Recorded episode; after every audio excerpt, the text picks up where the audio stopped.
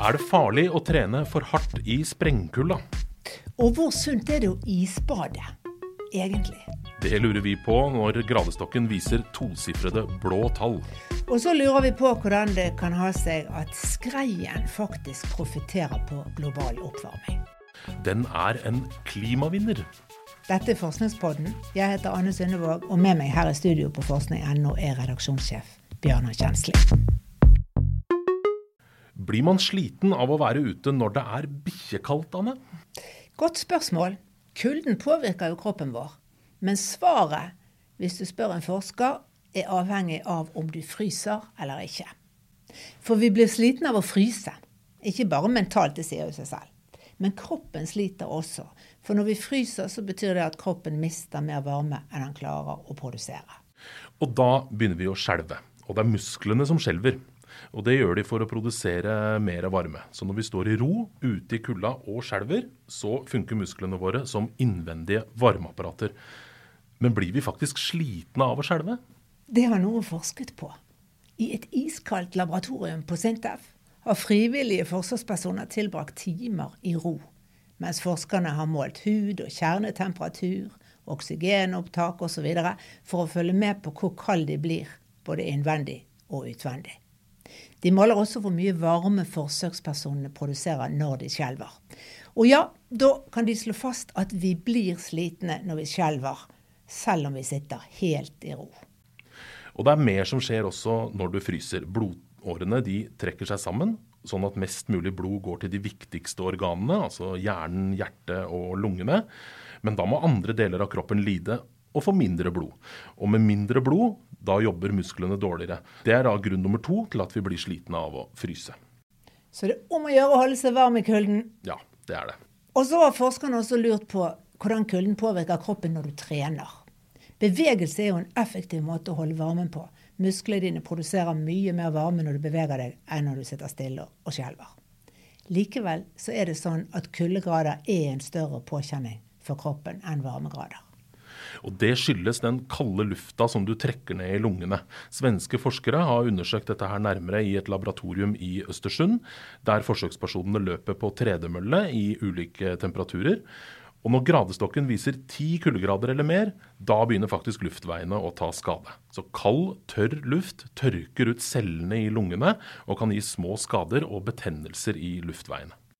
Og det kan forklare at mellom 20 og 30% av langrennsløpere på elitenivå utvikler astma. For i befolkningen ellers så er andelen mye lavere, rundt 10% de forsøkspersonene i Østersund de er både eliteutøvere og vanlige mosjonister. Og I tillegg til å måle lungekapasiteten deres, så tar forskerne også urin- og blodprøver for å måle betennelsesmarkører. Det er sånne små stoffer i, i urinen og blodet. og Det gjør de for å se om kulda påvirker immunforsvaret. Andre studier viser at Lengre treningsøkter i kalde temperaturer påvirker immunforsvaret negativt. Noe som igjen gjør deg mer mottagelig for infeksjoner. Ja, og Dette er jo en av de grunnene til at man må kle på seg om uh, vinteren. Ikke fordi at du nødvendigvis liksom blir forkjøla av å være kald, men fordi du lettere blir forkjøla av å være kald. Da, fordi immunforsvaret ditt uh, blir litt dårligere. Nettopp. Og det forskerne i Østersund vil finne ut av, er om kulden også påvirker luftveienes evne til å reparere seg sjøl. De ser at det er store individuelle forskjeller i evnen til å takle kulden. Alle får jo ikke astma, slett ikke. Men på den andre siden så ser de også at vanlige mosjonister eller personer som jobber ute om vinteren, de kan også få problemer med lungene. Og Forskerne veit ennå ikke om det er bedre for luftveiene om du trener kort og hardt eller intensivt, altså i intervaller, eller om du går flere timer i et mer moderat tempo når temperaturen er minus 10 eller kaldere. Eller om det er forskjell på yngre og eldre. Så det er mye de skal finne ut av. Men ut fra det de vet så langt, så har de noen råd å gi til de som liker å trene i kulden. For selv om du pådrar deg små skader i luftveiene, hvis du er frisk, så behøver ikke det bety mer enn at du hoster litt etter trening. Men om det skjer ofte, så kan det føre til større problemer. Og da kan det være lurt å beskytte seg med en ansiktsmaske.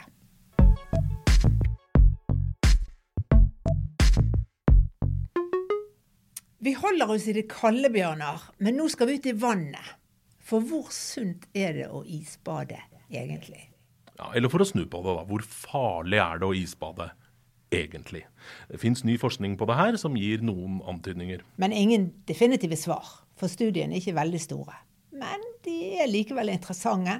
Og vi begynner i Aten. Ved universitetet der har en gruppe forskere fulgt en gruppe vinterbadere og sammenlignet de med en gruppe som holder seg på land med tøyet på.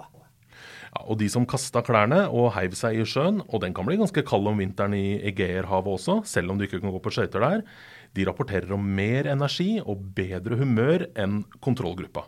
Og så understreker vinterbaderne at de herder kroppen når de bader jevnlig gjennom vinteren, og at de opplever det som veldig positivt. Ja, og Det med gradvis tilnærming til det kalde vannet, det er viktig. Det er ikke lurt å kaste seg ut i en isråk midt på vinteren hvis du ikke har badet i kaldt vann før. Det du da risikerer, er å få kuldesjokk og bli satt helt ut av spill og drukne. Ja, At du må venne deg til det kalde vannet gradvis, det understreker også en gruppe forskere fra flere land som har gått gjennom det meste av det som fins av forskning på isbading.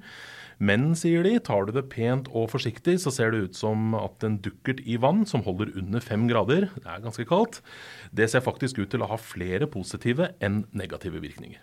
Noen studier viser også at personer med revmatisme, fibromyalgi eller astma kan oppleve at isbading gir god smertelindring.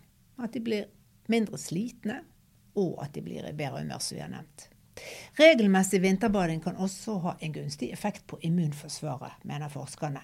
Noen studier viser at isbadere har færre luftveisinfeksjoner, lavere blodtrykk og bedre kolesterolnivå. Men dette med immunforsvaret det er jo litt motsatt av det de svenske forskerne finner om de som studerer idrettsutøvere på land i kulda, er det ikke det? Jo, det er jo det. Men det kan jo hende at det er hvor lenge du blir eksponert for hard kulde som gjør forskjell. Ikke vet jeg. Nei, iallfall.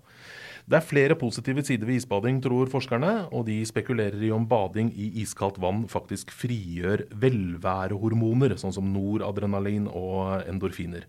For det er mange som rapporterer at vinterbading bedrer humøret og gjør de mindre stressa.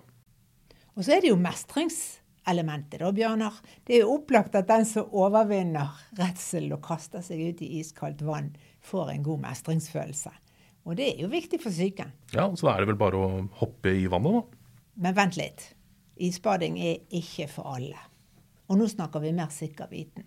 Professor i forebyggende medisin ved Universitetet i Tromsø, Maja-Lisa Løkken, sier til forskning.no at personer som har ubehandlet hjerte-karsykdom, absolutt ikke må hoppe i havet om vinteren. Og har du epilepsi, eller bare en tendens til å besvime lett, er det også lurt å holde deg godt påkledd på land. Og vær oppmerksom på at i de første tre minuttene i iskaldt vann så øker pulsen, og hjertet jobber på høygir, og du nedkjøles selvfølgelig. Og det kan gjøre at du besvimer. Så ikke bad alene. Og har du hjerte-karproblemer, så kan det kuldesjokket også utløse blodpropp eller alvorlig hjerterytmeforstyrrelse. Og det kan du jo faktisk dø av. Og hvis du blir lenger i vannet enn tre minutter, ja, da begynner nerver og muskler å merke nedkjølingen for alvor. Noen kan rett og slett miste evnen til å skjønne hva de holder på med, at de holder på å fryse i hjel. For når hjernen blir nedkjølt, så blir du sløv, og dessuten så går det utover svømmeferdighetene. Ja, så oppsummert, Anne? Kan det være lurt for noen å vinterbade, men ikke for alle, tror forskerne. Sikker kunnskap er det litt skrant med. Det trengs flere og større oppfølgingsstudier av isbaderne. Ja, og altså for alle isbadere gjelder det at de må venne seg gradvis til kulda. Og ikke bare aleine.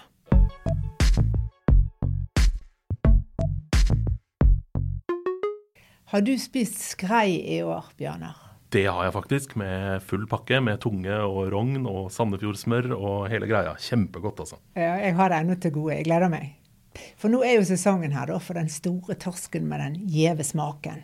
Millioner av skrei kommer nå svømmende inn til norskekysten for å flørte og gyte. Og det noen kan lure på, er om global oppvarming og varmere hav vil føre til at det blir mindre skrei i årene som kommer. Forskerne ved Havforsk i Bergen de er på saken. Og per i dag så ser det lyst ut for skreien. Den er rett og slett en klimavinner. Det er herlig at ikke alt går nedoverbakke. For den vanlige torsken i Nordsjøen, den sliter jo.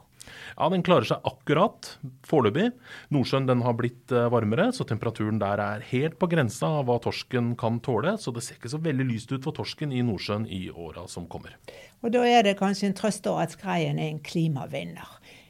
Men det høres litt rart ut at skreien trives i varmere vann? Jo, men det er varmt og varmt. altså Alt er jo relativt. Men skreien den er vant til eh, store temperaturendringer i Barentshavet. Der kan temperaturen i havet svinge med mer enn to grader fra et år til et annet, uavhengig av klimaendringer.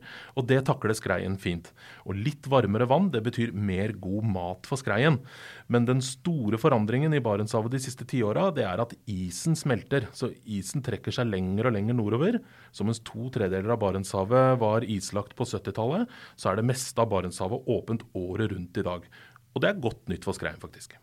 Ja, det betyr jo større boltreplass. Nesten et helt Barentshav fullt av plankton og småfisk og annen god mat. Og dette, viser det seg, får mye å si for skreifisket langs norskekysten.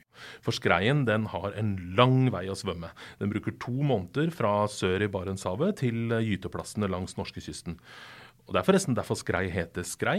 Skrida på norrønsk, det betyr å vandre. Men hvorfor vandrer skreien så langt? Det er fordi områder langs norskekysten, sånn som Lofoten og Vesterålen, er perfekte steder for å starte livet på for små yngel. Og så driver de nordover langs kysten før den ender opp i Barentshavet utpå sommeren, og der skal den vokse seg stor og sterk i mange år. Tradisjonelt så har skreien hatt gyteområder langs hele norskekysten, fra Møre i sør til Vest-Finnmark i nord. Men de siste årene så har kurtisen skjedd lenger og lenger nord. Nå er kjerneområdet Senja og Malangen i Troms, og noe skrei gyter så langt unna som langs kysten av Øst-Finnmark. Og Da er det fort gjort å tenke kanskje at skreien har blitt klimaflyktning, den også? At den, altså at den ender opp lenger og lenger nord, men det blir kanskje feil? Den profitterer jo på litt varmere Barentshav. Men hvorfor trekker den ikke da lengre sør, sånn som til Mørekysten? Fordi reisen rett og slett blir for lang. For nå er jo utgangspunktet for reisen gjerne lenger nord i Barentshavet. Og dette er jo store avstander som krever mye energi. Både til alle svømmetakene og til selve gytingen. Ja, for det er faktisk når skreien er sju år gammel at den er sterk nok til å gjøre den lange reisen. Ellers så lager nå havforskere i Bergen scenarioer for hva som vil skje med alle fiskebestandene våre de neste ti årene. Og i Barentshavet vil det bli mer fisk, sier de. For her er det fortsatt en del å gå på når det gjelder vanntemperaturen. Men det går en grense der også, så hvis vi ikke får bremsa den globale oppvarminga, så ser det mørkt ut, også for skreien, om 30 eller 40 år. Da takker vi for oss. Og vi, det er eh, Anne Synnevåg og Bjørnar Kjensli. Takk for at du hører på Forskningspodden.